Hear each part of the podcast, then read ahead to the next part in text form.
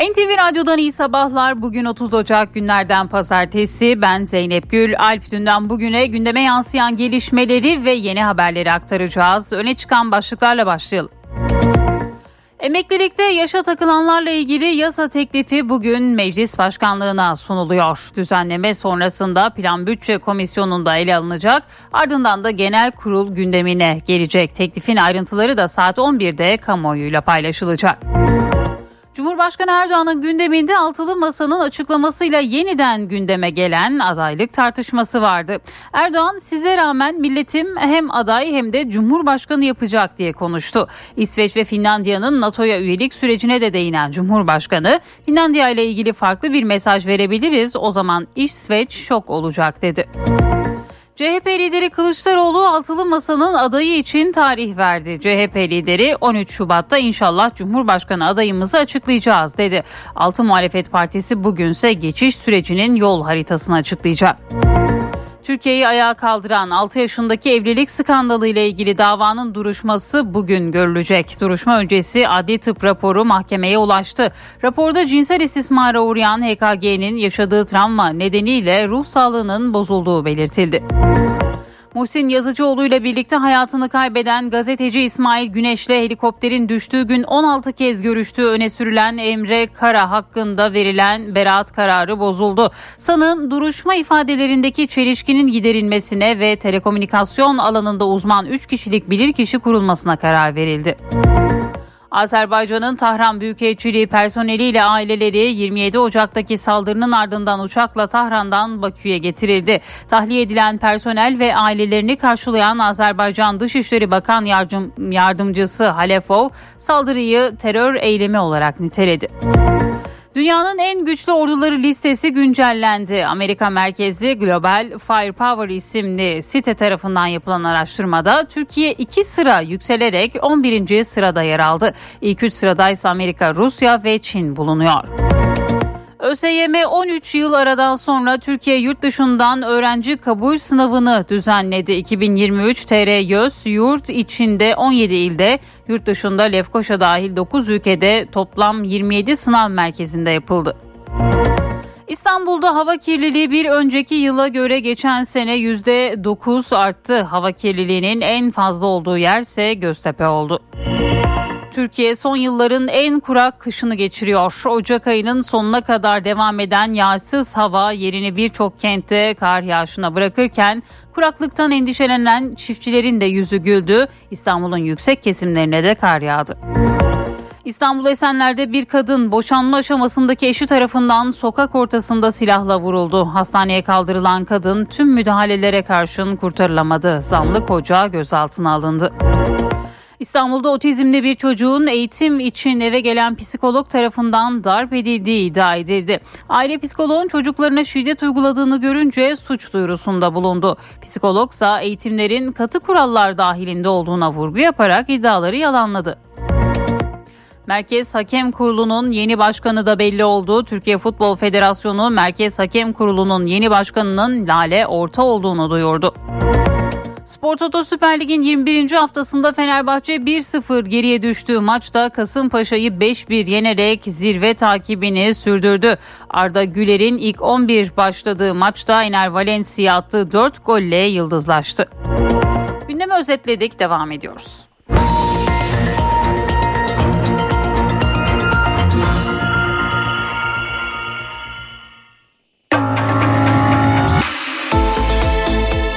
İşe giderken gazetelerin gündemi.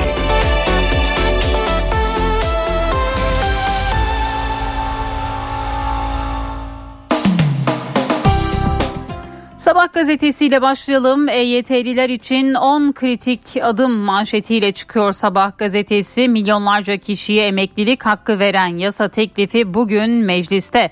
İşte EYT'liler için başvuru dilekçesinden tazminat talep formuna kadar yapılması gerekenler diyor Sabah gazetesi ve 10 maddede sıralıyor. Birinci madde EYT'li olup olmadığınızı E-Devlet'ten Alo 170 ve SGK'dan öğrenin. Prim günü ve sürenizi tespit edin. Hangi statüden emekli olacağınızı öğrenin. Eksik gün ya da priminizi tamamlayın. Doğum, askerlik, yurt dışı borçlanma gibi.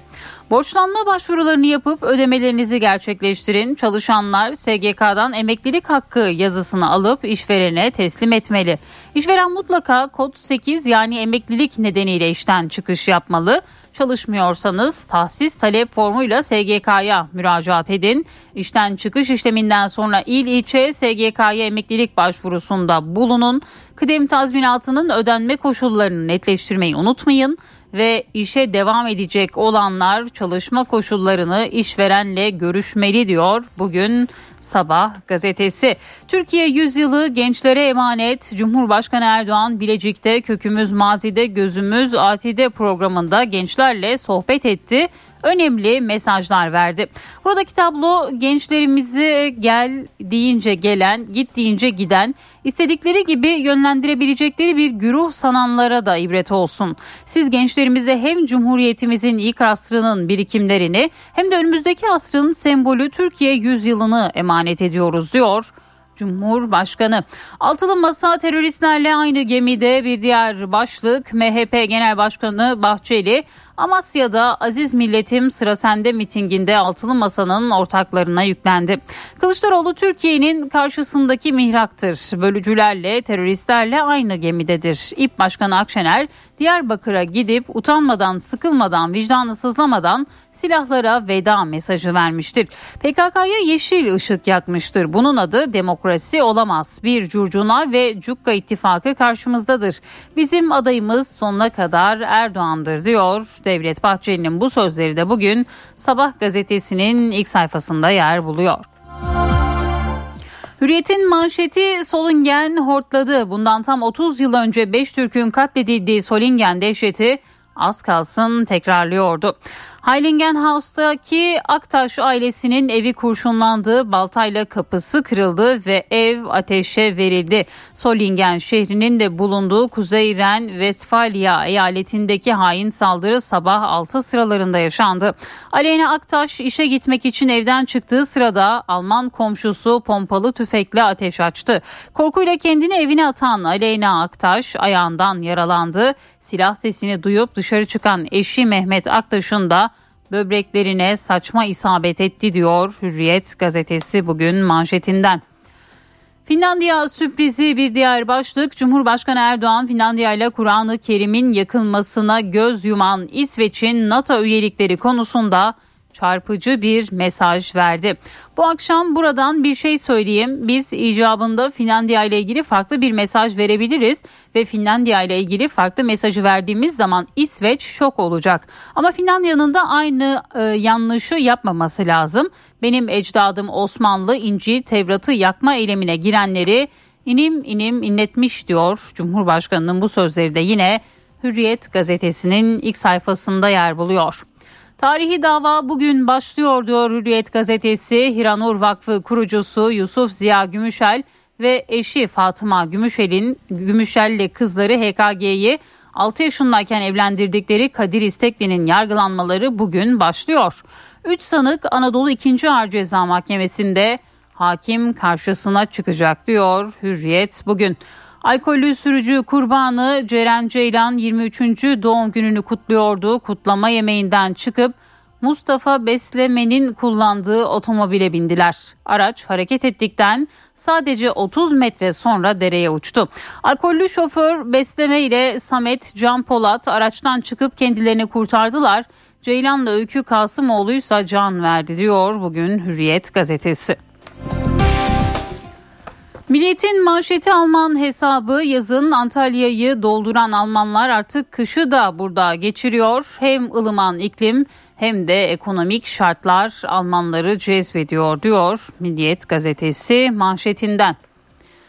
Erdoğan'ın adaylığı hukuki ve ahlakidir. Bir diğer başlık Milliyet gazetesinden MHP lideri Bahçeli Amasya'da düzenlediği mitingde bu seçimler Türkiye yüzyılının çatısını örecek dedi.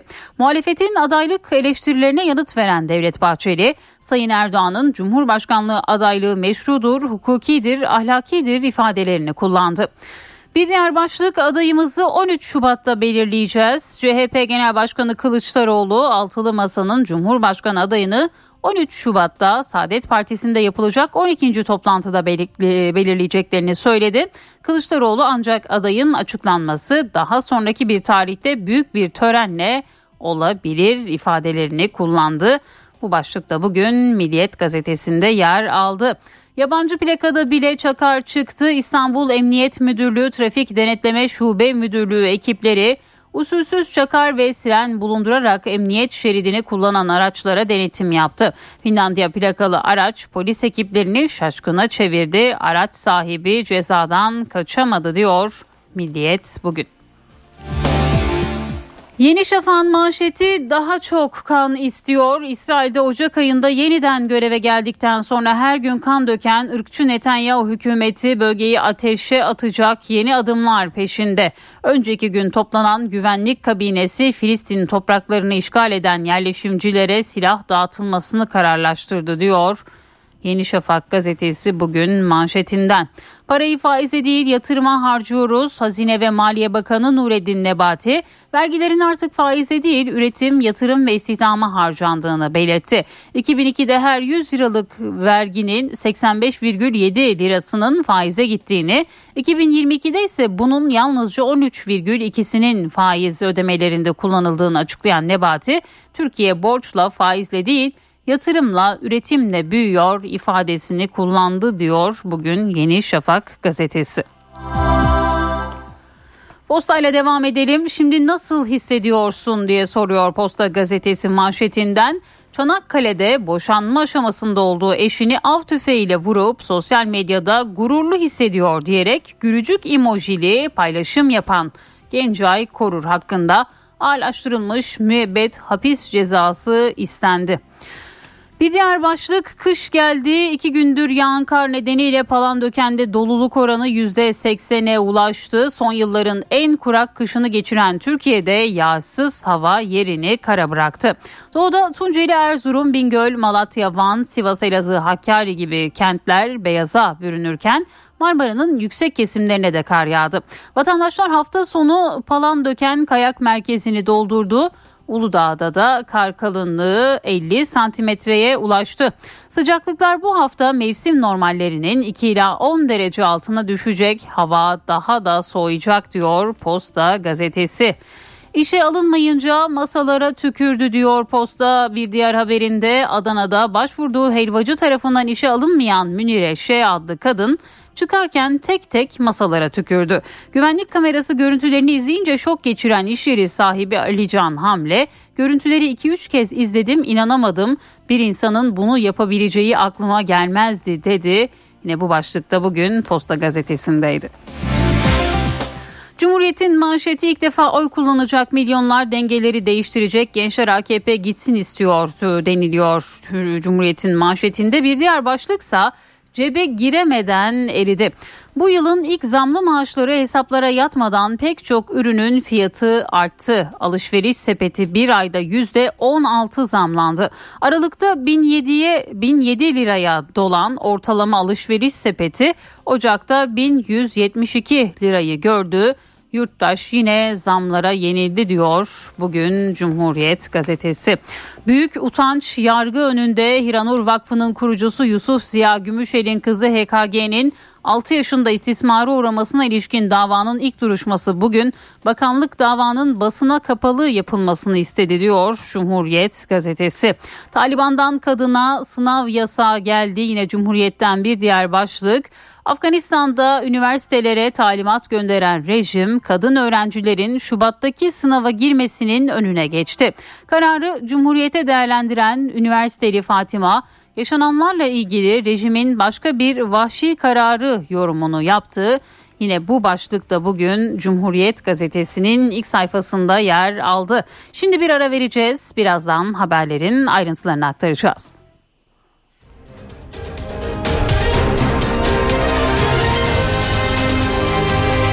NTV Radyo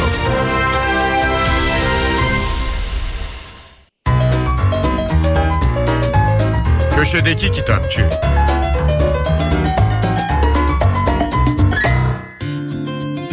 Merhaba ben Adnan Bostancıoğlu.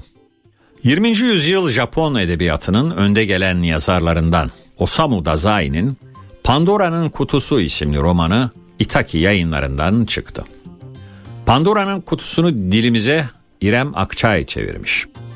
Kitaptan önce Osamu Dazai'nin sıra dışı hayatından bahsedelim kısaca.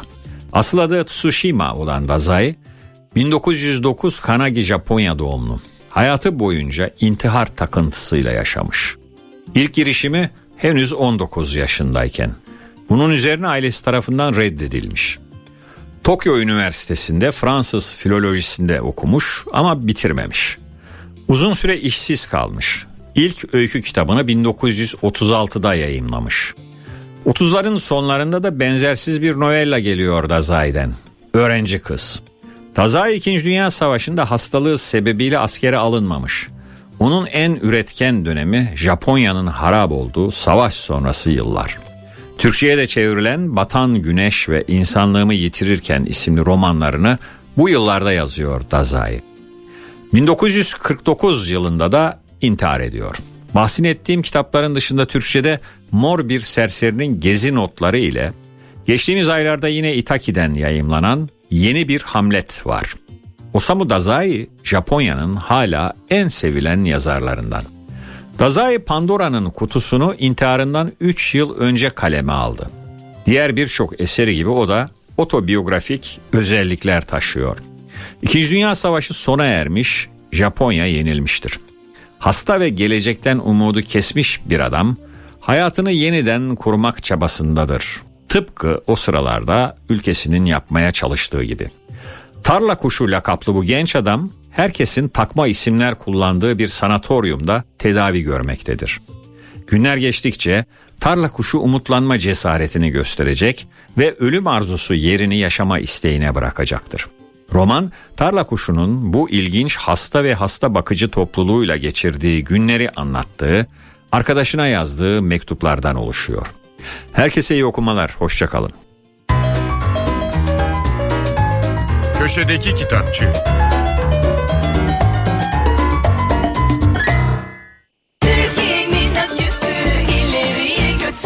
Yiğit Akü yol durumunu sunar. Karayolları Genel Müdürlüğü duyurdu. Denizli Aydın yolu 20-21. kilometrelerinde ve Gerede Kızılcahamam yolunun 19. kilometresinde yol bakım ve onarım çalışmaları var. Çalışmalar sebebiyle ulaşım kontrollü olarak sağlanıyor. Bu nedenle sürücüler dikkatli seyretmeli. Yiğit Akü yol durumunu sundu. Daha sürdürülebilir bir çatı ve daha iyi bir dünya için Bras Çatı Sistemleri sunar. Doğa konuşmaları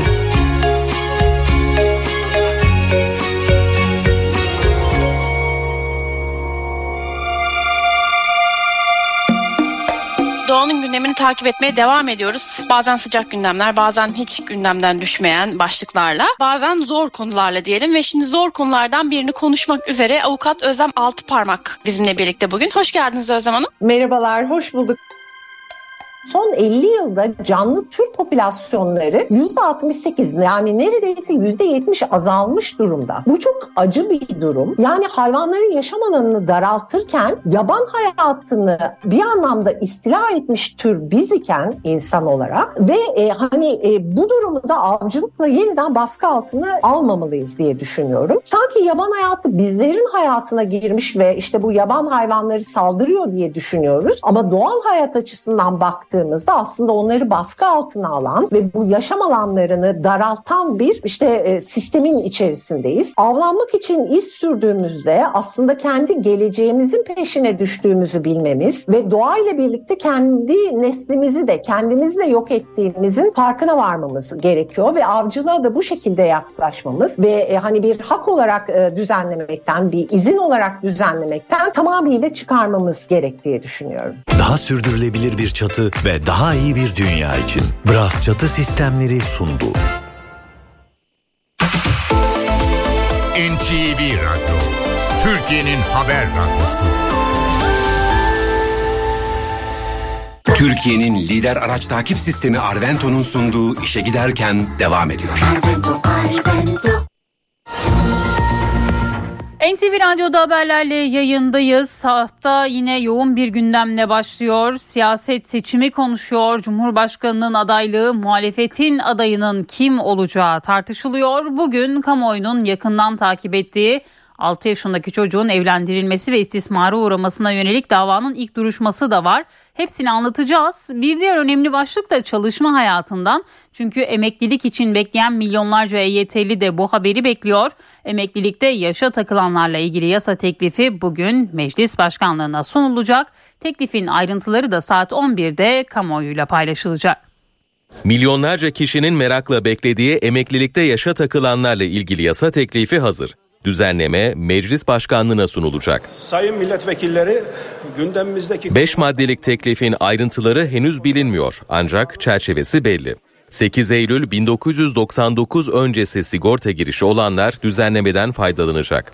EYT düzenlemesinin yürürlüğe girmesiyle ilk etapta 2 milyon 250 bin kişi emeklilik hakkına kavuşacak. Prim ve sigortalılık süresini tamamlayanlarla birlikte bu sayı her yıl artacak.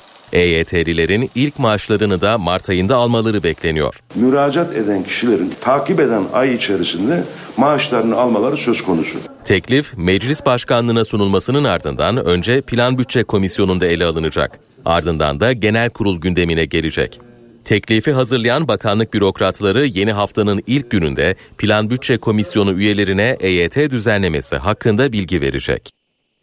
Muhalefet Cumhurbaşkanı'nın adaylığı konusunu tartışıyor. Bu konuda dün Meral Akşener'den bir açıklama geldi. Akşener Cumhurbaşkanı'nın bir kez daha aday olamayacağını söyledi. MHP lideri Bahçeli ise bu yorumlara sert çıkıp Cumhurbaşkanı'nın adaylığının meşru olduğunu ifade etti. Cumhurbaşkanı Erdoğan ise dün Bilecik'te gençlerle bir araya geldi. Bu konuda mesajlar verdi. Şimdi altılı masa ne diyor? Aday olamaz diyor.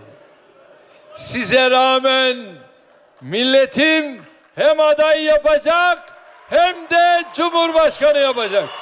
Cumhurbaşkanı Recep Tayyip Erdoğan altılı masadan gelen aday olamaz çıkışına bir kez daha tepki gösterdi. Millet İttifakı'na sert eleştiriler yöneltti. Eski Türkiye vaadiyle sizlerin karşısına çıkanlar ne bu ülkeyi ne de gençleri tanıyor demektir. Aynı kapıdan altı kişi birden geçme kavgası verenleri gülerek izliyoruz. Bunlardan gençler ne ülkemize ne milletimize ne de siz gençlerimize hiçbir hayır gelmeyeceğini çok iyi biliyoruz.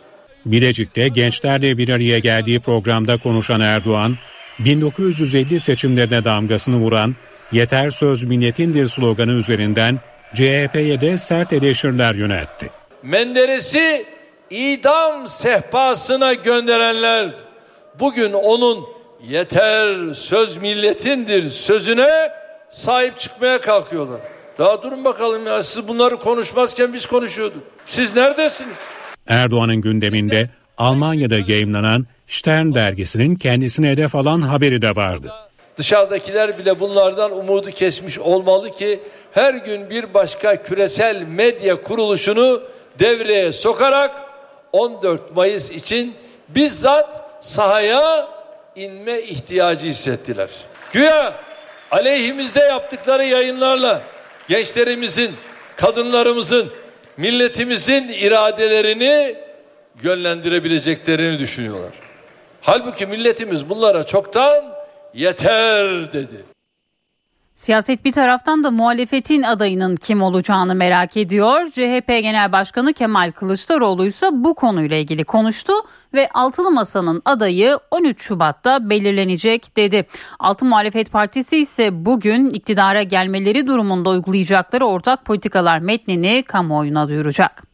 13 Şubat'ta e, inşallah e, Cumhurbaşkanı adayımızı açıklayacağız kamuoyuna. Artık 13 Şubat'ta mı olur yoksa 13 Şubat'ta karar alacağız. Bu kararın açıklanması için belli bir tarih mi olur? Büyük bir olasılıkla 13'ünde karar alacağız. E, ama e, Cumhurbaşkanı adayımız diyelim ki 13'ünde değil de efendim 23'ünde de e, kamuoyuna e, gene e, bir şekliyle Efendim, e, ne yapacağını siz 13'ünde ortak mutabakat metniyle beraber açıklayacağız. CHP lideri Kemal Kılıçdaroğlu altılı masanın Cumhurbaşkanı adayı için tarih verdi. Halk TV yayınına katılan Kılıçdaroğlu 13 Şubat'ta Saadet Partisi'nin ev sahipliğinde gerçekleştirilecek toplantıyı işaret etti. Altı Muhalefet Partisi bugünse geçiş sürecinin yol haritasını açıklayacak. Geçiş süreci yol haritası ve ortak politikalar metni 9 ana başlık ve 80 maddeden oluşuyor. Altılı Masa'nın son toplantısının ardından yayımlanan ortak bildiride ilk kez Millet İttifakı'nın ortak adayı ifadesi yer almıştı. Kulislere yansıyan bilgilere göre Altılı Masa Mart ayında resmen Millet İttifakı olarak yola devam edecek. Bugün çok önemli bir dava var. Türkiye'yi ayağa kaldıran 6 yaşındaki çocuğun evlendirilmesi ve yıllarca istismara uğraması ile ilgili davanın duruşması yapılacak. Duruşma öncesi adli tıp raporu mahkemeye ulaştı. Raporda cinsel istismara uğrayan HKG'nin yaşadığı travma nedeniyle ruh sağlığının bozulduğu belirtildi. 6 yaşındaki çocuğa istismar ve evlendirme skandalıyla ilgili davada Kadir İstekli ve baba Yusuf Ziya Gümüşel ilk kez hakim karşısına çıkacak. Duruşma öncesi mahkemenin 2004 yılında 6 yaşındayken evlendirildiği iddia edilen HKG'nin beden ve ruh sağlığının bozulup bozulmadığının tespiti için Adli Tıp Kurumu'ndan istediği rapor tamamlandı. Adli Tıp Kurumu'na sevk edilen HKG uzman hekimler tarafından muayene edildi. Bu inceleme sonucunda hazırlanan raporda genç kadının travma sonrası stres bozukluğu yaşadığı ve ruh sağlığının bozulduğu belirtildi.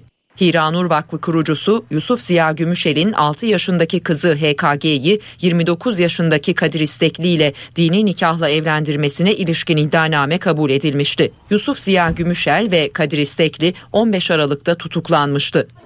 Duruşmaya tutuklu sanıklar Kadir İstekli ve Yusuf Ziya Gümüşel'in ses ve görüntü bilişim sistemiyle katılmaları bekleniyor. Kadir İstekli hakkında 67 yıl 10 ay 15 gün hapis cezası istenirken baba Yusuf Ziya Gümüşel ve anne Fatıma Gümüşel hakkında 22 yıl 6 ay hapis cezası isteniyor.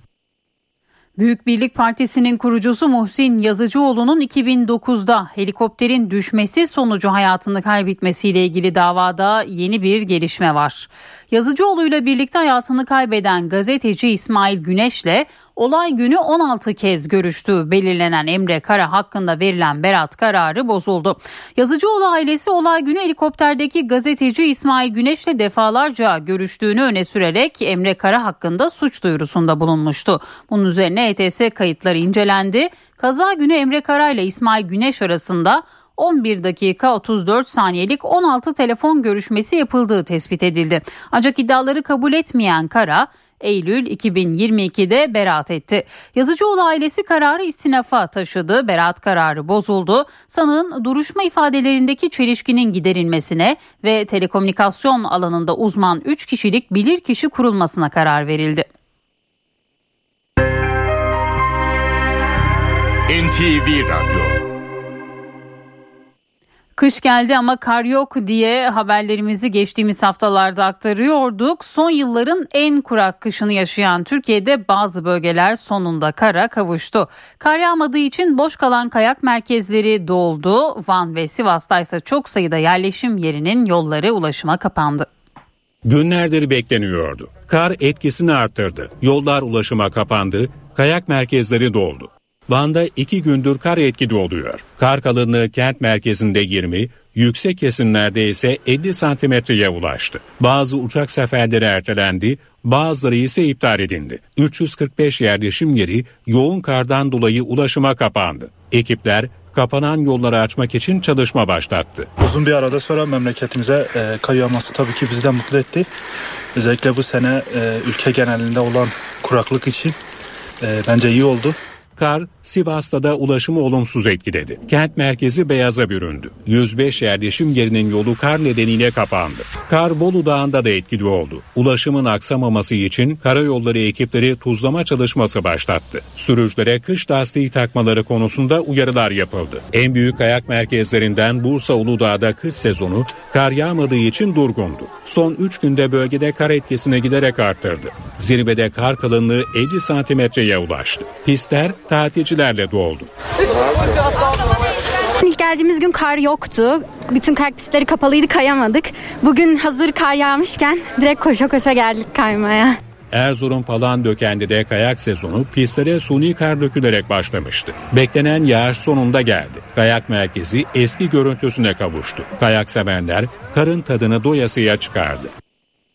İstanbul'dan bir kaza haberiyle devam edelim. Çekmeköy'de el freni çekilmeden park edilen araç metrelerce kayarak asker eğlencesinde halay çekenlerin arasına daldı. Olay Sultan Çiftliği mahallesinde akşam saatlerinde meydana geldi. Bir kişi öldü, 5 kişi de yaralandı. Polis ekipleri olayla ilgili inceleme başlattı. Esenler ve Sultan Gazi'de de asker eğlencesi için konvoy oluşturan bir grup tünel kapatıp müzik eşliğinde oynadı. İstanbul'da sahte trafik cezası ödeme sitesi kurarak vatandaşları dolandıran bir kişi polis ekiplerinin operasyonuyla yakalandı. Zanlının çaldığı kredi kartı bilgileriyle aldığı ürünleri kargo şubelerinde teslim aldığını belirleyen polis ekipleri kargo firmalarında önlem aldı. Alparslan K isimli zanlı Bakırköy'de bir kargo şubesinde siparişlerini teslim alırken gözaltına alındı. Aynı yöntemle Türkiye genelinde 9 kişiyi dolandıran zanlı çıkarıldığı mahkemece tutuklandı. 17 yaşından 22 yaşına kadar dolandırıcılık yapılarak kazanılan milyonlarca lira lakabını varlıklı çizgi film kahramanı çocuk Richie Rich'ten alan dolandırıcı Afyonkarahisar'da yakalandı. Dolandırıcılık herkesin başına gelebilecek dikkatli olunması gereken bir yöntemle gerçekleşti. Cep telefonlarına gönderilen hesabınıza para geldi mesajıyla.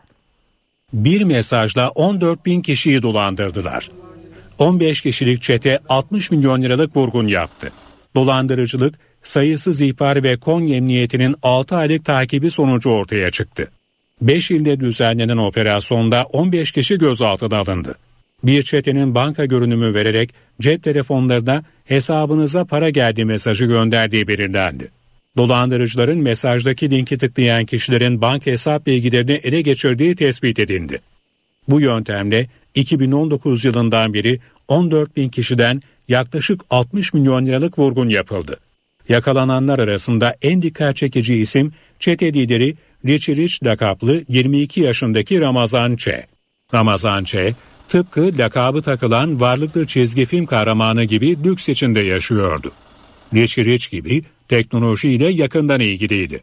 13 yaşında bilgisayar yazılımı ile ilgilenmeye başlayan çete lideri 17 yaşından itibaren illegal yollarla para kazanmaya başladı. Bu yolla 3 de mermer ocağı satın aldı. Çete lideri Afyonkarahisar'da paraları aklamak için kurduğu elektronik şirketine yapılan baskınla suçüstü yakalandı. Operasyon sonrasında aralarında Ramazan Ç'nin de olduğu 10 kişi tutuklandı. 5'i adli kontrolde serbest bırakıldı. Çocuklar aylardır üst solunum yolu hastalıklarıyla mücadele ediyor. Birçok farklı virüs ve bakteri yaygın. Hastalıkların biri bitiyor, biri başlıyor. Hastaneye yatan çocuk sayısı da fazla. Uzmanlara göre bu durum bahara kadar devam edecek. İnfluenza, RSV, koronavirüs, strep A. Hem virüsler hem de bakteriler yaygın. Acil servisler yoğun. Çocuklar aylardır hasta. Son 3 aydır enfeksiyonlar hep böyle birbirini kovalıyor ve bu sanırım pandemi döneminin yarattığı bir şey olsa gerek diye düşünüyoruz. İnsanların, çocukların bütün immün sistemleri biraz böyle uyku haline geçmiş durumda. Şu an biraz canlanıyor ve hepsini geçirerek canlanıyor. Özellikle bu sıradaki viral enfeksiyonlar, influenza, AB enfeksiyonları, adenovirüs enfeksiyonları, Covid enfeksiyonları da buna göre biraz daha az ama hala birazcık var. Beraberinde bunlar direnci kırdığı için şu meşhur strep A, grubu streptokok, beta enfeksiyonları da çok fazla. Çocuklarda enfeksiyon hastalıkları bu yıl daha ağır geçiyor. Bu nedenle hem aileler hem de doktorlar daha tedbirli davranıyor. Eskiden biz ateş olduğunda enfeksiyon olduğunda biraz izleyin, bekleyin, birkaç gün takip edin derken bu sene diyoruz ki bir farklılık hissettiğiniz zaman bir enfeksiyon başlangıcı mutlaka bir sağlık kurumuna veya doktorunuza ulaşın. Tedaviler erkenden başlar, takip erkenden başlarsa her şey daha kolay oluyor. Peki ne zaman bu e, enfeksiyonların düşüşe geçmesini bekliyoruz? Teorik olarak e, havaların biraz daha böyle soğuması gibi bugünlerde onları bekliyoruz. Yayılma hızını minimalize ediyor, biraz azaltıyor. Herhalde bir hafta on gün içerisinde Türkiye bir soğuk hava dalgasını, kış mevsimi ortamlarını yakalayacak. O esnadan biraz daha düşmesini bekliyoruz. Ve muhtemel Mart-Nisan ayına kadar dikkatli bir şekilde bu içmeler aralıklı devam edecek. Atatürk'ün kullandığı Kartal isim botu, Bandırma vapuru, Savarona gibi deniz araçlarının anlatıldığı Anadolu Mavisi isimli kitap okuyucularla buluştu. Gazeteci Gökhan Karakaş ve deniz tarihçisi Ali Bozoğlu tarafından hazırlanan kitapta 36 deniz aracının 29'u detaylı şekilde kaleme alındı. Kitapta Atatürk'ün gemilerin şeref defterine yazdığı notlar ve fotoğraflara da yer verildi. Atatürk'ün hatıraları, bindiği gemilerden fotoğraflar, gezilerinden hikayeler. Kartal İstimbotu, Bandırma Vapuru, Savarona gibi deniz araçlarının anlatıldığı Anadolu Mavisi isimli kitap okuyucuyla buluştu. Bugüne kadar Atatürk ve gemileriyle ilgili, Atatürk ve Türk denizciliği ilgili pek çok kitap yapıldı. Ama hepsini bir bütüncül şekilde Atatürk'ün 36 gemisinden 29'unu detaylı bir şekilde inceleyen bir kitap yapılmamıştı. Gazeteci Gökhan Karakaş ve deniz tarihçisi Ali Bozoğlu'nun yazdığı kitapta Atatürk'ün kullandığı 36 deniz aracından 29'u detaylı şekilde kaleme alındı. Ayrıca kitapta Atatürk'ün gemilerin şeref defterine yazdığı notlara, fotoğraflara ve anılara da yer verildi. Benim en çok hoşuma giden 8 yıl aradan sonra 1919'da 16 Mayıs 1919'da ayrıldığı İstanbul'a 8 yıl aradan sonra gelirken deniz yolunu tercih etmesi Ertuğrul. Halkını İstanbul halkını 8 yıl sonra selamlarken deniz yolunu tercih ediyor. Treni ya da karayolunu tercih etmiyor. Anadolu Mavisi isimli kitapta hikayesi bulunan deniz araçlarından sadece Kartal İstimbotu, Savarona, Sarı Zeybek ve Acar Vapuru günümüze kadar geldi. Atatürk Türkiye'ye gelmiş geçmiş en büyük denizcisidir. Denize en çok önem veren bir liderdir. Deniz önemini anlamıştır. Ama maalesef ondan sonraki gelen kişiler bu önemi anlayamadığı için Türkiye bugün denizcilik açısından istenilen seviyede de değildir.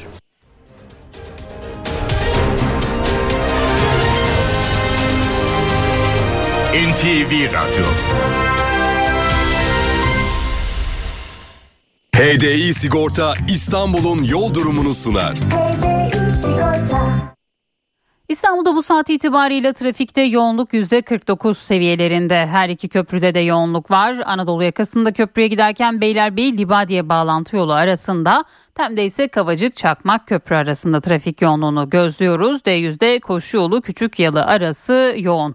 Avrasya Tüneli çift taraflı açık. Avrupa yakasına gelindiğinde E5'te Avcılar Küçükçekmece. Tem'de ise Bahçeşehir Altınşehir yönünde hasarlı bir trafik kazası var. Bu nedenle oldukça yoğun bir trafik var. HDI Sigorta İstanbul'un yol durumunu sundu.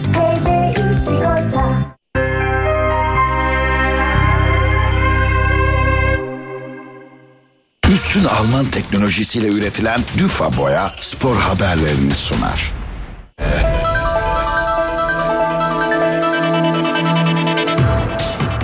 Spor Toto Süper Lig'de Fenerbahçe sahasında Kasımpaşa'yı 5-1 yendi.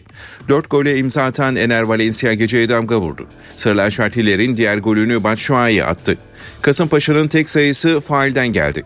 Sarı lacivertliler ligin 22. dakikasında Perşembe günü Adana Demirspor'a konuk olacak. Fenerbahçe Teknik Direktörü George Jesus Kasımpaşa karşısında haklı bir galibiyet aldıklarını söyledi. Karşılaşma sonrası konuşan Portekizli teknik adam ilk 11'de görev verdiği Arda Güler'den de övgüyle bahsetti. Bugünkü ilk hedefimiz 3 puanı almaktı. Farklı bir galibiyet elde ettik. Maç içinde güçlü olduğumuz anlar vardı. Bazı anlarda ise güçlü değildik. Buna rağmen takım kimliğini ve özgüvenini kaybetmedi. Kısa süre içinde skoru çevirmeyi başardık. Sonrası ise kolay oldu. Maç içinde pozisyon ve diziliş değişiklikleri yapıyoruz. Arda Güler bugün sahada yeteneklerini sergiledi. Pas açılarını kolay bulabilen bir oyuncu. İyi bir futbol oynadı. Performansını yavaş yavaş yukarı çekiyor. Fenerbahçe'nin 23 futbolcusu var. Oynadığımız her maçtan önce strateji belirliyoruz. Hangi oyuncu daha fazla fayda sağlar diye bakıyoruz. Kafamızda belirli bir 11 yok. Her maç bu isimler değişebilir. Fenerbahçe ara transfer dönemindeki ikinci takviyesini yapmaya hazırlanıyor. Sarı lacivertler Hollandalı sol bek Hayden Osterwolde'yi İstanbul'a getirdi.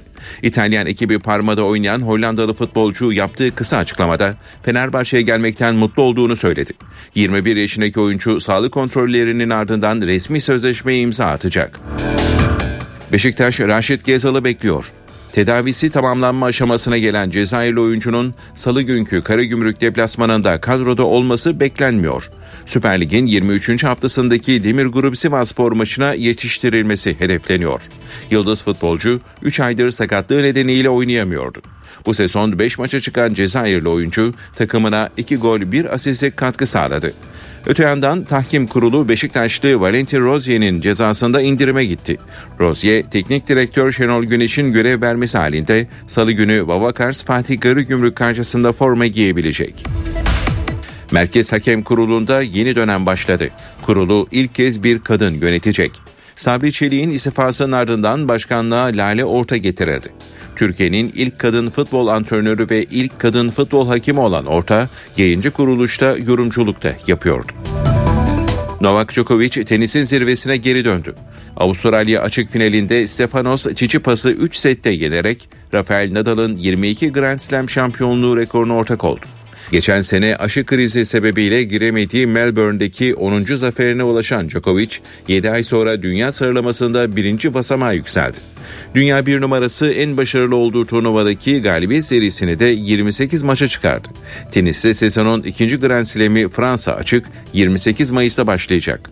Dayanıklı, kolay sürülen, kapatıcılığı yüksek Düfa Boya spor haberlerini sundu. NTV Radyo'da yeni saati karşılıyoruz. Bu saate kadar gündemde hangi başlıkların öne çıktığına bakalım. Emeklilikte yaşa takılanlarla ilgili yasa teklifi bugün Meclis Başkanlığına sunuluyor. Düzenleme sonrasında Plan Bütçe Komisyonu'nda ele alınacak ardından da genel kurul gündemine gelecek. Teklifin ayrıntıları da saat 11'de kamuoyuyla paylaşılacak. Cumhurbaşkanı Erdoğan'ın gündeminde altılı masanın açıklamasıyla yeniden gündeme gelen adaylık tartışması vardı. Erdoğan size rağmen milletim hem aday hem de Cumhurbaşkanı yapacak diye konuştu. İsveç ve Finlandiya'nın NATO'ya üyelik sürecine de değinen Cumhurbaşkanı Finlandiya ile ilgili farklı bir mesaj verebiliriz o zaman İsveç şok olacak dedi. CHP lideri Kılıçdaroğlu altılı masanın adayı için tarih verdi. CHP lideri 13 Şubat'ta inşallah Cumhurbaşkanı adayımızı açıklayacağız dedi. Altı Muhalefet Partisi bugünse geçiş sürecinin yol haritasını açıklayacak. Türkiye'yi ayağa kaldıran 6 yaşında evlilik skandalı ile ilgili davanın duruşması bugün görülecek. Duruşma öncesi adli tıp raporu mahkemeye ulaştı. Raporda cinsel istismara uğrayan HKG'nin yaşadığı travma nedeniyle ruh sağlığının bozulduğu belirtildi. Muhsin Yazıcıoğlu ile birlikte hayatını kaybeden gazeteci İsmail Güneş'le helikopterin düştüğü gün 16 kez görüştüğü öne sürülen Emre Kara hakkında verilen beraat kararı bozuldu. Sanığın duruşma ifadelerindeki çelişkinin giderilmesine ve telekomünikasyon alanında uzman 3 kişilik bilirkişi kurulmasına karar verildi. Azerbaycan'ın Tahran Büyükelçiliği personeliyle aileleri 27 Ocak'taki saldırının ardından uçakla Tahran'dan Bakü'ye getirildi. Tahliye edilen personel ve ailelerini karşılayan Azerbaycan Dışişleri Bakan Yardımcısı Halefov saldırıyı terör eylemi olarak niteledi. Dünyanın en güçlü orduları listesi güncellendi. Amerikan merkezli Global Firepower isimli site tarafından yapılan araştırmada Türkiye 2 sıra yükselerek 11. sırada yer aldı. İlk 3 sırada ise Amerika, Rusya ve Çin bulunuyor.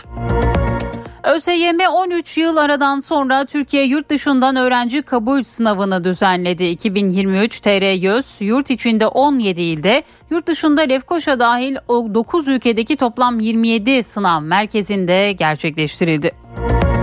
İstanbul'da hava kirliliği bir önceki yıla göre geçen sene %9 arttı. Hava kirliliğinin en fazla olduğu yerse Göztepe oldu. Türkiye son yılların en kurak kışını geçiriyor. Ocak ayının sonuna kadar devam eden yağışsız hava yerini birçok kentte kar yağışına bırakırken kuraklıktan endişelenen çiftçilerin de yüzü güldü. İstanbul'un yüksek kesimlerine de kar yağdı. İstanbul Esenler'de bir kadın boşanma aşamasındaki eşi tarafından sokak ortasında silahla vuruldu. Hastaneye kaldırılan kadın tüm müdahalelere rağmen kurtarılamadı. Zamlı koca gözaltına alındı. İstanbul'da otizmli bir çocuğun eğitim için eve eğitimi için eve gelen psikolog tarafından darp edildiği iddia edildi. Aile psikoloğun çocuklarına şiddet uyguladığını görünce suç duyurusunda bulunduğu psikologsa eğitimlerin katı kurallar dahilinde olduğuna vurgu yaparak iddiaları yalanladı. Merkez Hakem Kurulu'nun yeni başkanı belli oldu. Türkiye Futbol Federasyonu Merkez Hakem Kurulu'nun yeni başkanının Lale Orta olduğunu duyurdu. Spor Toto Süper Lig'in 21. haftasında Fenerbahçe 1-0 geriye düştüğü maçta Kasımpaşa'yı 5-1 yenerek zirve takibini sürdürdü. Arda Güler'in ilk 11 başladığı maçta Ener Valencia attığı 4 golle yıldızlaştı. Bu sabah öne çıkan başlıkları böyleydi devam edelim.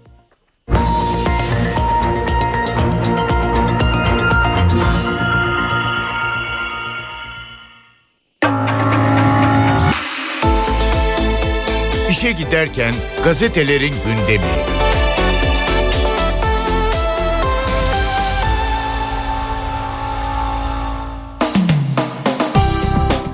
Sabahla başlayalım. EYT'liler için 10 kritik adım manşetiyle çıkıyor Sabah gazetesi bugün. Milyonlarca kişiye emeklilik hakkı veren yasa teklifi bugün mecliste.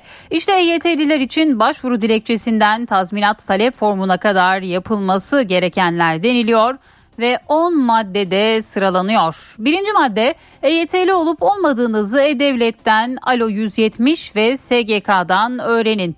Prim günü ve sürenizi tespit edin. Hangi statüden emekli olacağınızı öğrenin. Eksik gün ya da priminizi tamamlayın. Borçlanma başvurularını yapıp ödemelerinizi gerçekleştirin. Çalışanlar SGK'dan emeklilik hakkı yazısını alıp işverene teslim etmeli. İşveren mutlaka kod 8 yani emeklilik nedeniyle işten çıkış yapmalı. Çalışmıyorsanız tahsis talep formuyla SGK'ya müracaat edin. İşten çıkış işlemlerinden sonra il ilçe SGK'ya emeklilik başvurusunda bulunun. Kıdem tazminatının ödenme koşullarını netleştirmeyi unutmayın ve işe devam edecek olanlar çalışma koşullarını işverenle görüşmeli diyor Sabah gazetesi bugün. Türkiye yüzyılı gençlere emanet Cumhurbaşkanı Erdoğan Bilecik'te konuştu. Buradaki tablo gençlerimizi geldiğince gelen, gittiğince giden, istedikleri gibi yönlendirebilecekleri bir güruh sananlara da ibret olsun. Siz gençlerimize hem Cumhuriyetimizin ilk asrının birikimlerini hem de önümüzdeki asrın sembolü Türkiye yüzyılına emanet ediyoruz diyor. Cumhurbaşkanının bu sözleri de Sabah gazetesinin ilk sayfasında yer buluyor. Altılı Masa teröristlerle aynı gemide MHP Genel Başkanı Bahçeli Amasya'da Aziz Milletim sıra sende mitinginde Altılı Masa'nın ortaklarına yüklendi. Kılıçdaroğlu Türkiye'nin karşısındaki mihraktır. Bölücülerle teröristlerle aynı gemidedir. İP Başkanı Akşener Diyarbakır'a gidip utanmadan, sıkılmadan, vicdanı sızlamadan silahlara veda mesajı vermiştir. PKK'ya yeşil ışık yakmıştır. Bunun adı demokrasi olamaz. Bir curcuna ve cukka ittifakı karşımızdadır. Bizim adayımız sonuna kadar Erdoğan'dır diyor Devlet Bahçeli. Hürriyetle devam ediyoruz. Solingen hortladığı manşetini görüyoruz. Bundan tam 30 yıl önce 5 Türk'ün katledildiği Solingen dehşeti az kalsın tekrarlanıyordu. Heiligenhaus'taki Aktaş ailesinin evi kurşunlandığı baltayla kapısı kırıldı ve ev ateşe verildi. Solingen şehrinin de bulunduğu Kuzey Ren Westfalia eyaletindeki hain saldırı sabah 6 sıralarında yaşandı. Aleyna Aktaş işe gitmek için evden çıktığı sırada Alman komşusu pompalı tüfekle ateş açtı. Korkuyla kendini evine atan Aleyna Aktaş ayağından yaralandı. Silah sesini duyup dışarı çıkan eşi Mehmet Aktaş'ın da böbreklerine saçma isabet etti diyor Hürriyet gazetesi bugün manşetinden. Finlandiya'ya sürprizi bir diğer başlık Cumhurbaşkanı Erdoğan Finlandiya ile Kur'an-ı Kerim'in yakılmasına göz yuman İsveç'in NATO üyelikleri konusunda çarpıcı bir mesaj verdi. Bu akşam buradan bir şey söyleyeyim. Biz icabında Finlandiya ile ilgili farklı bir mesaj verebiliriz ve Finlandiya ile ilgili farklı mesajı verdiğimiz zaman İsveç şok olacak ama Finlandiya'nın da aynı yanlışı yapmaması lazım. Benim ecdadım Osmanlı İncil Tevrat'ı yakma eylemine girenleri inim inim inletmiş diyor Cumhurbaşkanının bu sözleri de bugün yine Hürriyet gazetesinin ilk sayfasında yer buluyor. Milliyetin manşeti Alman hesabı yazın Antalya'yı dolduran Almanlar artık kışı da burada geçiriyor. Hem ılıman iklim hem de ekonomik şartlar Almanları cezbediyor diyor Milliyet gazetesi. Erdoğan'ın adaylığı hukuki ve ahlakidir. MHP lideri Bahçeli'nin sözleri ve adayımızı 13 Şubat'ta belirleyeceğiz. Yine CHP lideri Kılıçdaroğlu'nun sözleri de bugün Milliyet gazetesinin ilk sayfasında yer buluyor. Yeni Şafak'la devam ediyoruz. Daha çok kan istiyor manşetini görüyoruz. İsrail'de Ocak ayında yeniden göreve geldikten sonra her gün kan döken ırkçı Netanyahu hükümeti bölgeyi ateşe atacak yeni adımlar peşinde. Önceki gün toplanan güvenlik kabinesi Filistin topraklarını işgal eden yerleşimcilere silah dağıtılmasını kara, e, kararlaştırdı diyor. Yeni Şafak gazetesi parayı faize değil yatırıma harcıyoruz diyor. Bakan Nebati'nin açıklamaları da bugün yine Yeni Şafak gazetesinin ilk sayfasında yer buluyor. Postanın manşeti şimdi nasıl hissediyorsun? Çanakkale'de boşanma aşamasında olduğu eşini av tüfeğiyle vurup sosyal medyada gururlu hissediyor diyerek gülücük emojili paylaşım yapan Gencay Korur hakkında ağırlaştırılmış müebbet hapis cezası istendi. Bu başlıkta postanın manşetindeydi. Bir diğer haber kış geldi. İki gündür yağan kar nedeniyle Palandöken'de doluluk oranı %80'e ulaştı. Son yılların en kurak kışını geçiren Türkiye'de yağsız hava yerini kara bıraktı. Doğuda Tunceli, Erzurum, Bingöl, Malatya, Van, Sivas, Elazığ, Hakkari gibi kentler beyaza bürünürken Marmara'nın yüksek kesimlerine de kar yağdı diyor Posta gazetesi bugün. Cumhuriyet'in manşetinde gençler AKP gitsin istiyor başlığını görüyoruz. Bir diğer başlıksa cebe giremeden eridi. Bu yılın ilk zamlı maaşları hesaplara yatmadan pek çok ürünün fiyatı arttı. Alışveriş sepeti bir ayda %16 zamlandı. Aralıkta 1007 liraya dolan ortalama alışveriş sepeti Ocak'ta 1172 lirayı gördü. Yurttaş yine zamlara yenildi diyor Cumhuriyet bugün. Büyük utanç yargı önünde bir diğer haber. Hiranur Vakfı'nın kurucusu Yusuf Ziya Gümüşel'in kızı HKG'nin 6 yaşında istismara uğramasına ilişkin davanın ilk duruşması bugün. Bakanlık davanın basına kapalı yapılmasını istedi. Yine bu başlıkta Cumhuriyet'teydi bir haberi daha aktaralım. Taliban'dan kadına sınav yasağı geldi. Afganistan'da üniversitelere talimat gönderen rejim kadın öğrencilerin Şubat'taki sınava girmesinin önüne geçti. Kararı Cumhuriyet'e değerlendiren üniversiteli Fatima yaşadı, e, yaşananlarla ilgili rejimin başka bir vahşi kararı yorumunu yaptı. Yine bu haberde Cumhuriyet gazetesinin ilk sayfasında yer aldı. NTV Radyo Akustik taş yünü asma tavan sistemleri Tromer sunar. Profesör Murat Ferman'la evdeki hesap. Günaydın Sayın Ferman, mikrofon sizde. Zeynep Gül Hanım günaydın, iyi bir gün, iyi yayınlar diliyorum. Enteresan bir başlıkla başlayalım. Bildiğimiz anlamda son çöplük Almanya'da 25 yıl evvel kapatıldı. Evet, Almanya'da bildiğimiz anlamda çöplük yok. Çünkü Almanya'da ayrıştırılan her şey geri dönüşüme gidiyor ve %100 kapasiteye yakın bir şekilde geri dönüşüm sağlanıyor.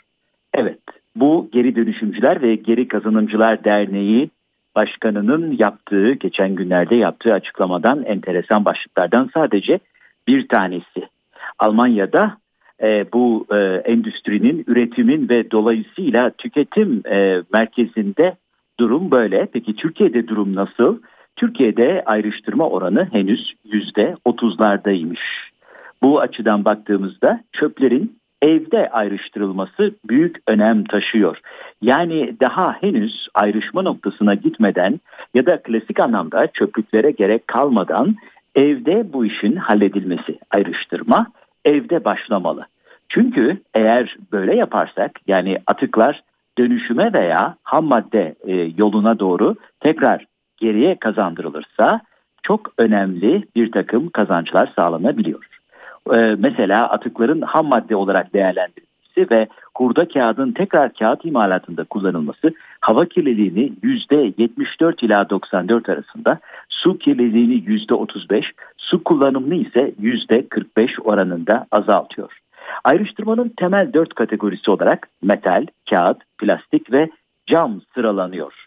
Bu çerçevede Türkiye'de sadece %30 oranında gerçekleşen geri dönüşüm oranı bize enteresan bazı rakamlarla karşı karşıya bırakıyor.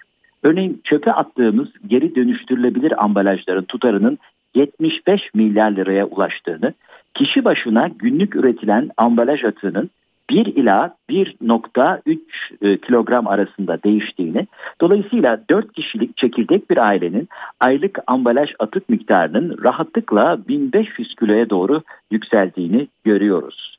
Bu çerçevede özellikle yerel yönetimlere büyük görev düşüyor. En azından evinde ayrıştırma yapan insanlardan teşvik amaçlı çevre temizlik vergisinin alınmaması veya istisnaya tabi tutulması e, belki bu e, yapılacak unsurlardan bir tanesi. E, ambalaj atığından zaten çevre temizlik vergisinden alınacak paranın neredeyse 10 katı kadar gelir sağlanmış olacak. Bu bakımdan belediyelerin hesap kitap işlerine tekrar bakmalarında fayda var. Modern dünya üretim ve tüketim üzerine kurulur. Ancak bu çarkın sürebilmesi, sürdürülebilmesi için mutlaka geri dönüşüm ve değerlendirme anahtar rol oynuyor. Onun için bütün medeni memleketlerde Almanya'sından Hollanda'sına, Japonya'sından İsviçre'sine, Güney Kore'sinden Amerika Birleşik Devletleri'ne kadar çok ayrıntılı düzenleme, teşvik ve gerektiğinde de yaptırımlar var. Bu çerçevede e, örneğin değişik modeller e, tekrar çalışılarak Türkiye için e, anahtar çözüm konusunda e, gerçekten daha ciddi ve kalıcı adımlar atılmalı. Çünkü yüzde otuz oranı bize yakışmıyor. Belki de hedef Almanya'da olduğu gibi yüzde yüz geri dönüşüm. Bunun da yolu hani eğitim, öğretim evde başlar gibi evde, hanelerde başlıyor ve hanelerde geri dönüşüm ve çöp ayrıştırma, atık e, ayrıştırma kültürünün mutlaka öğretilmesi, edinilmesi ve uygulamaya geçirilmesi gerekiyor. Çünkü sadece üreterek, sadece tüketerek hayatta kalamazsınız. Hayat bir çevrimden ibarettir. Dolayısıyla bu çevrimin esasına ve felsefesine uygun olarak bizim de gereğini yapmamız herhalde şarttır. Bu genel bilgi paylaşımı ve değerlendirme çerçevesinde değerli dinleyenlerimize katma değeri yüksek ve yüksek katma değerli bir gün diliyor. Huzurlarınızdan hürmetlerle ayrılıyorum. Profesör Murat Ferman'la evdeki hesap. Yangın yalıtımlı taş yünü asma taban sistemleri Tromer sundu. Dünya markası Bras çatı sistemleri finans bültenini sunar. Borsa İstanbul Yüz Endeksi 5191 seviyelerinde dolar 18.81 euro 20.46'dan işlem görüyor. Euro dolar paritesi 1.08 altının onzu 1933 dolar kapalı çarşıda gram altın 1169 çeyrek altın 1931 liradan satılıyor. Brent petrolün varil fiyatı ise 86 dolar. Dünya markası Bras çatı sistemleri finans bültenini sundu. Estetiğin ruhunu duvarlarınıza taşıyan Sandeko Boya hava durumunu sunar. Eşsiz boya, eşsiz mekanlar. Sandeko. Yurt geneli kuvvetli soğuğun etkisinde Anadolu'da kar yağışları sürüyor. Marmara'da önümüzdeki 10 gün hava çok soğuk. İstanbul kapalı 6 derece bugün. Yarın yağış zaman zaman sulu kar şeklinde olacak. E, Çatalca tarafına da kar yağabilir. İç Anadolu'da başta Niğde, Kayseri, Sivas olmak üzere aralıklı kar yağışları görülüyor. Ankara 4 derece, hafif de olsa kar yağışları görülüyor başkentte de. Ege'de hızla soğudu. İzmir'de ayaz var. Sıcaklık 11 derece. Akdeniz ve Güneydoğu boyunca yağışlar sürüyor. Toroslar, Kahramanmaraş, Adıyaman ve Diyarbakır'ın yükseklerine kar yağıyor. Karadeniz'deki yağışlarda da Bolu, Kastamonu, Tokat boyunca kar şeklinde olacak. Doğu Anadolu'da kar yine Malatya, Bingöl, Muş, Hakkari boyunca yoğun yağacak. Estetiğin ruhunu duvarlarınıza taşıyan Sandeko Boya hava durumunu sundu. Eşsiz boya, eşsiz mekanlar. Sandeko. Şimdi bir ara verelim. Birazdan yine burada olacağız.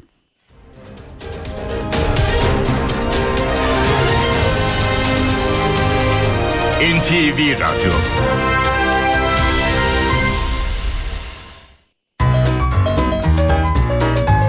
Köşedeki Kitapçı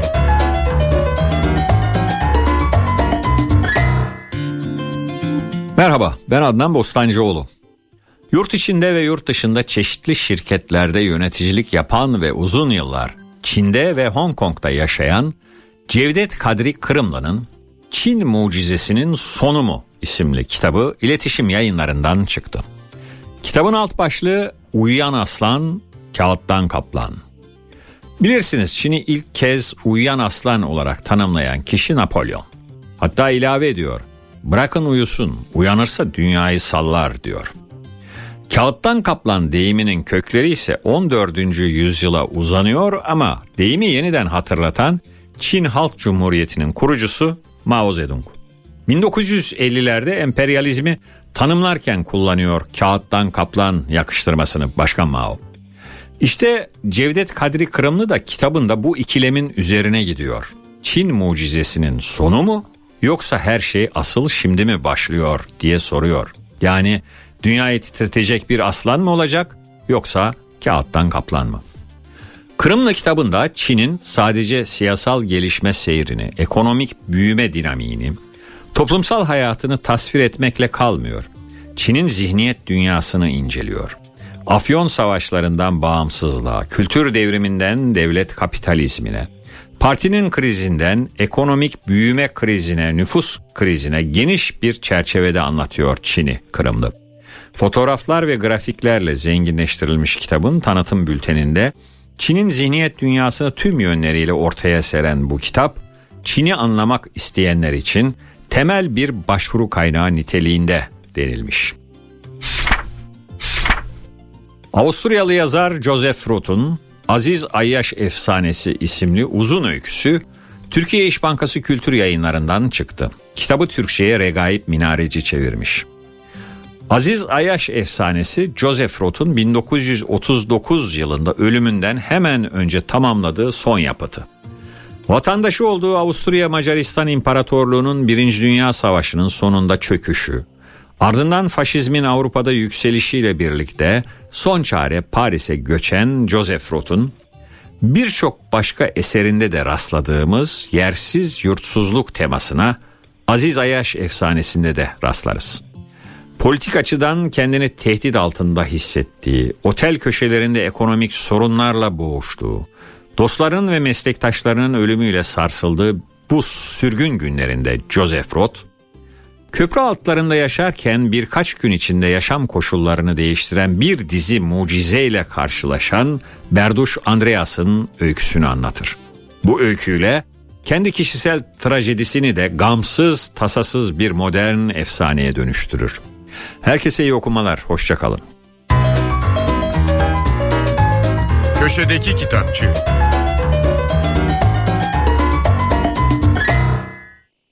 Acı, tatlı, mayhoş. Yemek kültürü yazarı Aydın Öneytan'la bir tutam tarif, biraz da tarih. Merhabalar. Bu hafta biraz mercimek yiyelim. Konumuz mercimek. Peki bu konuya nereden geldim? Bir kere Anadolu'nun çok önemli kadim bir yiyeceği mercimek. En önemli protein kaynaklarından biri. Bakliyatlar içinde önde gelenlerden biri bizim mutfağımız için ve çağlar boyunca mercimek Anadolu topraklarında tüm uygarlıklar tarafından yenmiş, yetiştirilmiş. Peki bu konuya nereden geldim diye başlamıştım ama geçen hafta Çin'den Anadolu'ya bir yolculuk yapmıştık ve Çin yemekleri uzmanı İngiliz yazar arkadaşım Fuchsia Dunlop'tan bahsetmiştim. Kaçırmış olanlarınız varsa geçen haftaki yayınları NTV Radyo'nun web sitesinden podcast olarak dinleyebilirsiniz. Evet biz Fuchsia ile Ankara'da tanıştık. Önce Ankara Palas'ta sonra da bir mercimek kazananın başında diyebilirim. Peki bu hikaye nasıl? Fuchsia Türkiye'ye bir İngiliz televizyon kanalının belgesel çekimi için gelmişti. Belgeselin konusu Kral Midas'ın cenaze yemeğini canlandırmaktı ve yapılması gereken yemekte bir mercimek yahnisiydi. Evet çok ilginç. Biz Fuchsia ile bu tarifi oluşturmaya çalıştık. Tarifin bilgileri tam olarak yoktu fakat tarifin bileşenleri biliniyordu. İsterseniz önce bu hikayenin başına yani 1950'lere gidelim. 1950'de Amerikalı arkeolog Dr. Rodney Young Polatlı Gordion'da kazılara başlar. Bu kazılardan önce Kral Midas'ın e, buluntuları henüz daha ulaşılmamış durumda. Kazı sırasında Kral Midas'ın bedenine ve cenaze ile birlikte gömülmüş olağanüstü güzellikte eserlere ulaşılır. Anadolu Medeniyetleri Müzesi'nde Ankara'da görmek mümkün. Arkeologlar bu keşfin heyecanını yaşarken bir taraftan da olağanüstü güzellikte kazanlar ve yiyecek malzemeleri bulunmuş. Fakat kazanları temizlerken içindeki yemek artıklarını da atmamışlar, toplayıp Amerika'ya götürmüşler. O zamanlar tabii bu yiyecek e, malzemelerinin analizi teknik olarak mümkün değil. Fakat yıllar sonra kalıntıların götürüldüğü Pennsylvania Üniversitesi'nde bu hikayeyi duyan Amerikalı bilim adamı Patrick McGovern bu yiyeceklerin analizini yapmaya gönüllü oluyor ve işte onun analizlerine dayanarak biz fuchsia ile mercimek yahnisini yaptık. Evet hafta boyunca hem bu hikayenin tarihini hem de mercimek yahnisinin tarifini paylaşacağız. İlginç mercimekli tarifler için takipte kalın, hoşça kalın. Bir tutam tarih, biraz da tarif. Aydın Öneytan'la Acı Tatlı Mayhoş Arşivi ntvradio.com.tr adresinde Spotify ve podcast platformlarında.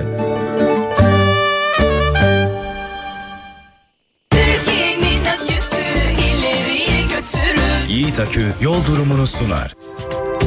Karayolları Genel Müdürlüğü duyurdu. Aksaray Ortaköy yolunun 9-11. kilometrelerinde ve Kızılcahamam Ankara yolunun 39-41. kilometrelerinde yol bakım çalışmaları var. Çalışmalar sebebiyle bu noktalarda ulaşım kontrollü olarak sağlanıyor. Sürücüler dikkatli seyretmeli. Yiğit Akü yol durumunu sundu. Araç takipte liderlerin tercihi Mobiliz risk haritasını sunar. Soğuk ve yağışlı hava yurdun büyük bölümünde etkisini koruyor. Marmara bölgesinin yükseklerine kar yağıyor. Karadeniz bölgesinin batısı Bolu, Karabük kesiminde kar yoğun. Ege bölgesinde ise kuru soğuk üşütüyor. Geceleri zirai don riski var. Doğuda Bitlis, Muş ve Bingöl çevrelerinde kuvvetli kar yağışı ulaşımda aksamaları neden olabilir. Don yaşamı zorlaştırıyor. Dikkatli ve tedbirli olunmalı. Araç takipte liderlerin tercihi Mobiliz risk haritasını sundu. NTV Türkiye'nin haber radyosu.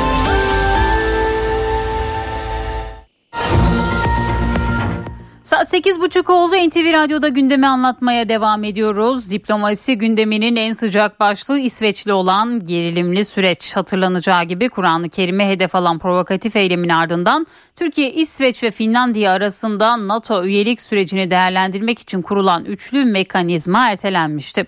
Bu konuda Cumhurbaşkanı Erdoğan'dan dikkat çeken bir açıklama geldi. Erdoğan, Finlandiya'nın NATO'ya üyelik sürecinin ayrı değerlendirilebileceğinin sinyalini verdi. Biz icabında Finlandiya ile ilgili farklı bir mesaj verebiliriz. Finlandiya ile ilgili farklı mesajı verdiğimiz zaman İsveç şok olacak. Ama Finlandiya'da aynı yanlışı yapmaması lazım. Cumhurbaşkanı Recep Tayyip Erdoğan, İsveç'te Kur'an-ı Kerim'i hedef alan provokatif eyleme sert sözlerle tepki gösterdi. Finlandiya'nın NATO'ya üyelik sürecinin ayrı değerlendirilebileceğinin sinyalini verdi. Kitabullah'ı, Kur'an-ı Kerim'imizi affedersin yakacaklar. Etrafında da kimler var? Korumalar var, polisler var.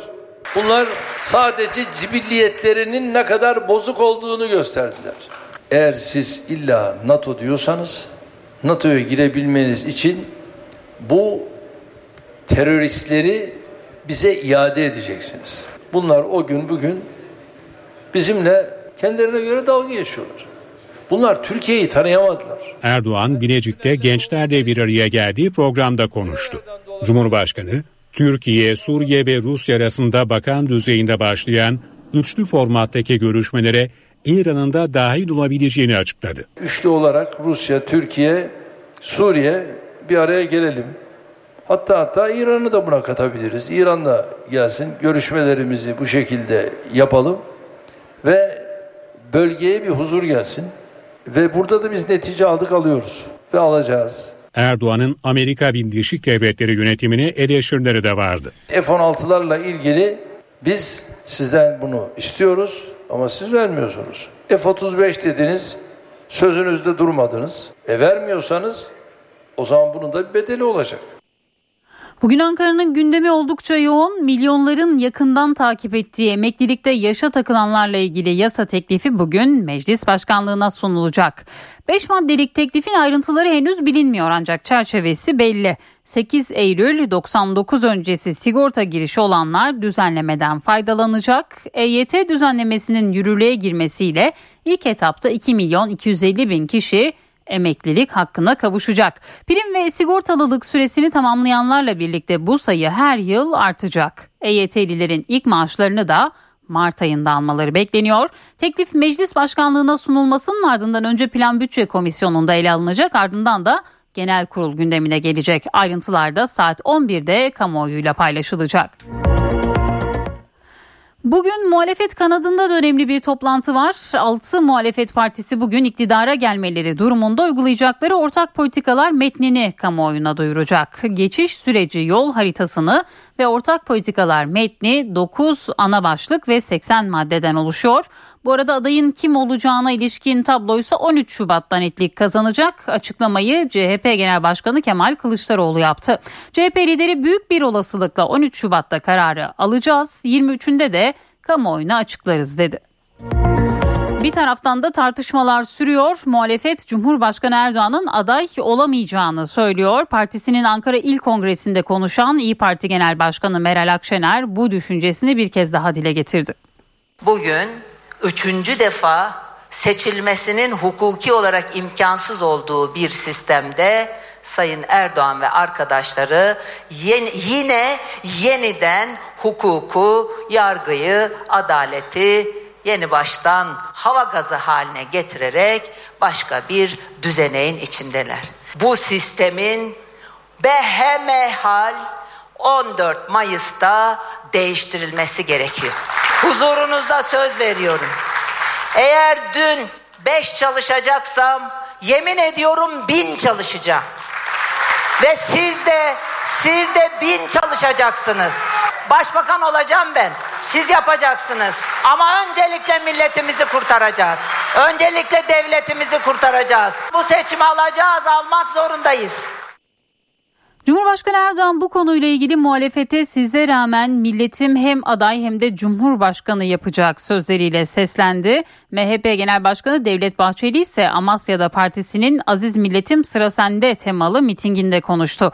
Erdoğan'ın adaylığının meşru, hukuki ve ahlaki olduğunu söyledi.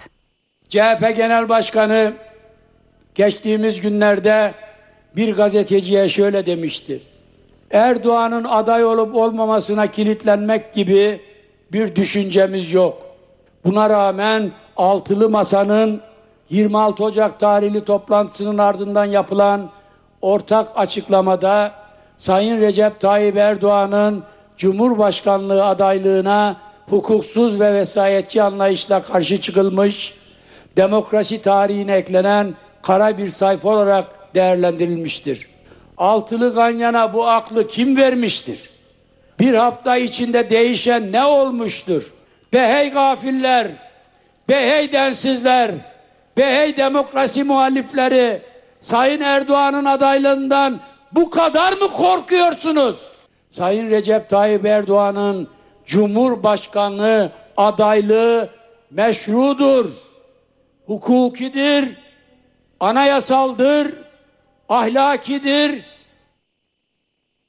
Bugün çok önemli bir dava var. Türkiye'yi ayağa kaldıran 6 yaşındaki çocuğun evlendirilmesi ve yıllarca istismara uğraması ile ilgili davanın duruşması bugün yapılacak. Duruşma öncesi adli tıp raporu mahkemeye ulaştı. Raporda cinsel istismara uğrayan HKG'nin yaşadığı travma nedeniyle ruh sağlığının bozulduğu belirtildi. 6 yaşındaki çocuğa istismar ve evlendirme skandalıyla ilgili davada Kadir İstekli ve baba Yusuf Ziya Gümüşel ilk kez hakim karşısına çıkacak. Duruşma öncesi mahkemenin 2004 yılında 6 yaşındayken evlendirildiği iddia edilen HKG'nin beden ve ruh sağlığının bozulup bozulmadığının tespiti için Adli Tıp Kurumu'ndan istediği rapor tamamlandı. Adli Tıp Kurumu'na sevk edilen HKG uzman hekimler tarafından muayene edildi. Bu inceleme sonucunda hazırlanan raporda genç kadının travma sonrası stres bozukluğu yaşadığı ve ruh sağlığının bozulduğu belirtildi. Hiranur Vakfı kurucusu Yusuf Ziya Gümüşel'in 6 yaşındaki kızı HKG'yi 29 yaşındaki Kadir İstekli ile dini nikahla evlendirmesine ilişkin iddianame kabul edilmişti. Yusuf Ziya Gümüşel ve Kadir İstekli 15 Aralık'ta tutuklanmıştı. Duruşmaya tutuklu sanıklar Kadir İstekli ve Yusuf Ziya Gümüşel'in ses ve görüntü bilişim sistemiyle katılmaları bekleniyor. Kadir İstekli hakkında 67 yıl 10 ay 15 gün hapis cezası istenirken baba Yusuf Ziya Gümüşel ve anne Fatıma Gümüşel hakkında 22 yıl 6 ay hapis cezası isteniyor. NTV Radyo Hava bir anda çok soğudu. Doğuda ve Karadeniz'de kar etkili ama Ankara ve İstanbul'a hala o beklenen kar gelmedi. Yalnızca yükseklerde var. Peki Şubat'ta hava nasıl olacak? NTV Meteoroloji Editörü Dilek Çalışkan anlattı. Şubat ayı çok bereketli başlıyor. Yoğun kar yağışları alacağız. Ancak dezavantajı 15 gün İzlanda üzerinden gelecek çok soğuk havanın etkisinde kalacağız. İzlanda'dan Türkiye'ye soğuk hava dalgası geliyor. 10 gün boyunca özellikle Doğu Anadolu'da kar yağışı etkili olacak. Kar kalınlığının yer yer 1 metreye ulaşması öngörülüyor. Doğu bölgelerde 4 gün yoğun kar yağışları var. Ee, zaman zaman Kayseri'de olacak, Erzurum, Hakkari'ye kadar o bölge. Hatta e, yer yer kar kalınlığı 60-100 santimetreyi bulabilecek. Ankara ve farklı bölgelerde de sıcaklıklar bir hayli düşecek. Pazartesi akşamı Ankara'da da Bolu, Konya arasında da kar bekliyoruz. Kar gelecek Ankara'ya da. 3 Şubat'la 8 Şubat arasında batı bölgelerde çok yoğun kar yağışları var. Buna Bolu, Ankara, İç Ege dahil hatta İzmir'e yağabilecek fırtına ile tipiyle birlikte yağacak. Salı günü Bursa, Sakarya yüksekleri, Uludağ yoğun kar yağacak. İstanbul'da da birkaç gün sonra kar yağışı bekleniyor. İstanbul'da salı günü öncelikle yağmur var. Gece saatlerinde yine bazı ilçelerde kar görülecek İstanbul'da. Diğer günlerde de yağmurlar devam edecek. 4 Şubat'la 8 Şubat arasında İstanbul'a kar yağma ihtimali çok yüksek. Ancak bu kar ne yoğunlukta ne kuvvette hangi ilçeleri daha çok etkiler bunlar netlik kazanmadı. Bu arada bu 7-8 gün İstanbul'da aralıklarla yağış var. Eğer bu yağışlar tahmin ettiğimiz gibi olursa barajların doluluk oranında %10 civarında etkiler. Bu saate kadar dünyada yaşananlara bir haber turuyla bakalım. Almanya Başbakanı Scholz Ukrayna'ya savaş uçağı göndermenin gündemde olmadığını söyledi. Henüz tank gönderme kararının yeni olduğu bir süreçte savaş uçağı göndermeye yönelik bir tartışmanın anlamsız olduğunu vurguladı. Alman Başbakan NATO ile Rusya arasında savaş yok böyle bir şeye izin vermeyeceğiz dedi. Boykot çağrısı altında erken seçimlere giden Tunus'ta ikinci turda oy verme işlemi tamamlandı. Seçimlere seçmenlerin yalnızca %11,3'ü katıldı. Resmi olmayan sonuçların 1 Şubat'ta açıklanması bekleniyor. İngiltere Başbakanı Rishi Sunak, Muhafazakar Parti Teşkilat Başkanı Nathim Zavahiyi'yi görevden aldı. Zahavi'nin hakkındaki vergi soruşturması ile ilgili şeffaf davranmadığı ortaya çıktı. Yeni Zelanda'da cuma gününden bu yana yağışlar sürüyor. Sel ve su baskınları nedeniyle 4 kişi hayatını kaybetti. Uzmanlar önümüzdeki günlerde de kötü hava koşullarının süreceği konusunda uyardı. Pakistan'da meydana gelen otobüs kazasında 41 kişi yaşamını yitirdi. Belucistan'ın başkenti Ketta'dan Karachi'ye giden ve 48 kişiyi taşıyan otobüsün önce bir köprüye çarptığını ardından çarpmanın etkisiyle vadiye yuvarlandığı belirtildi. Kaza yapan otobüs ardından alevler içinde kaldı.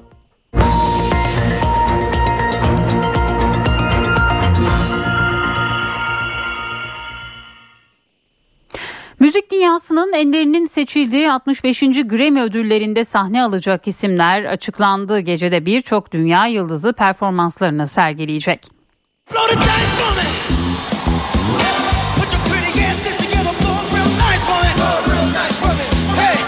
Bad Bunny'den Lizzo'ya, Sam Smith'ten Mary J. Blige'a.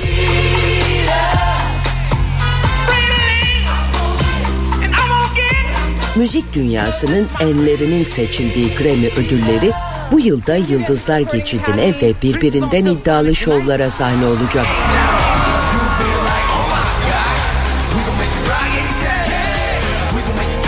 Bu yıl 65.si düzenlenecek Grammy ödüllerinde Bad Bunny,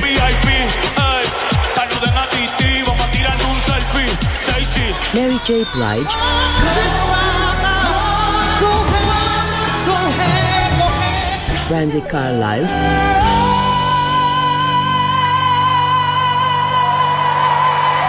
Luke Combs,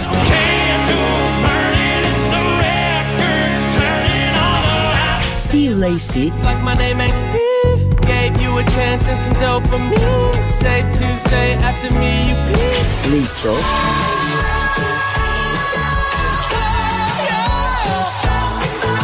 Kim Petras ve Sam Smith performans sergileyecek.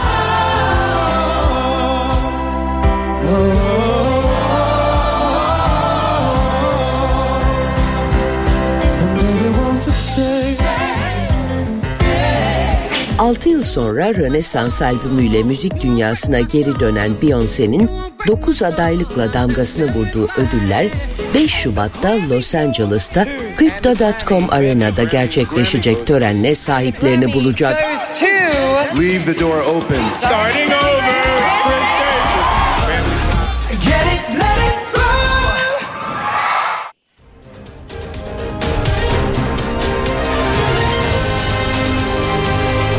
NTV Radyo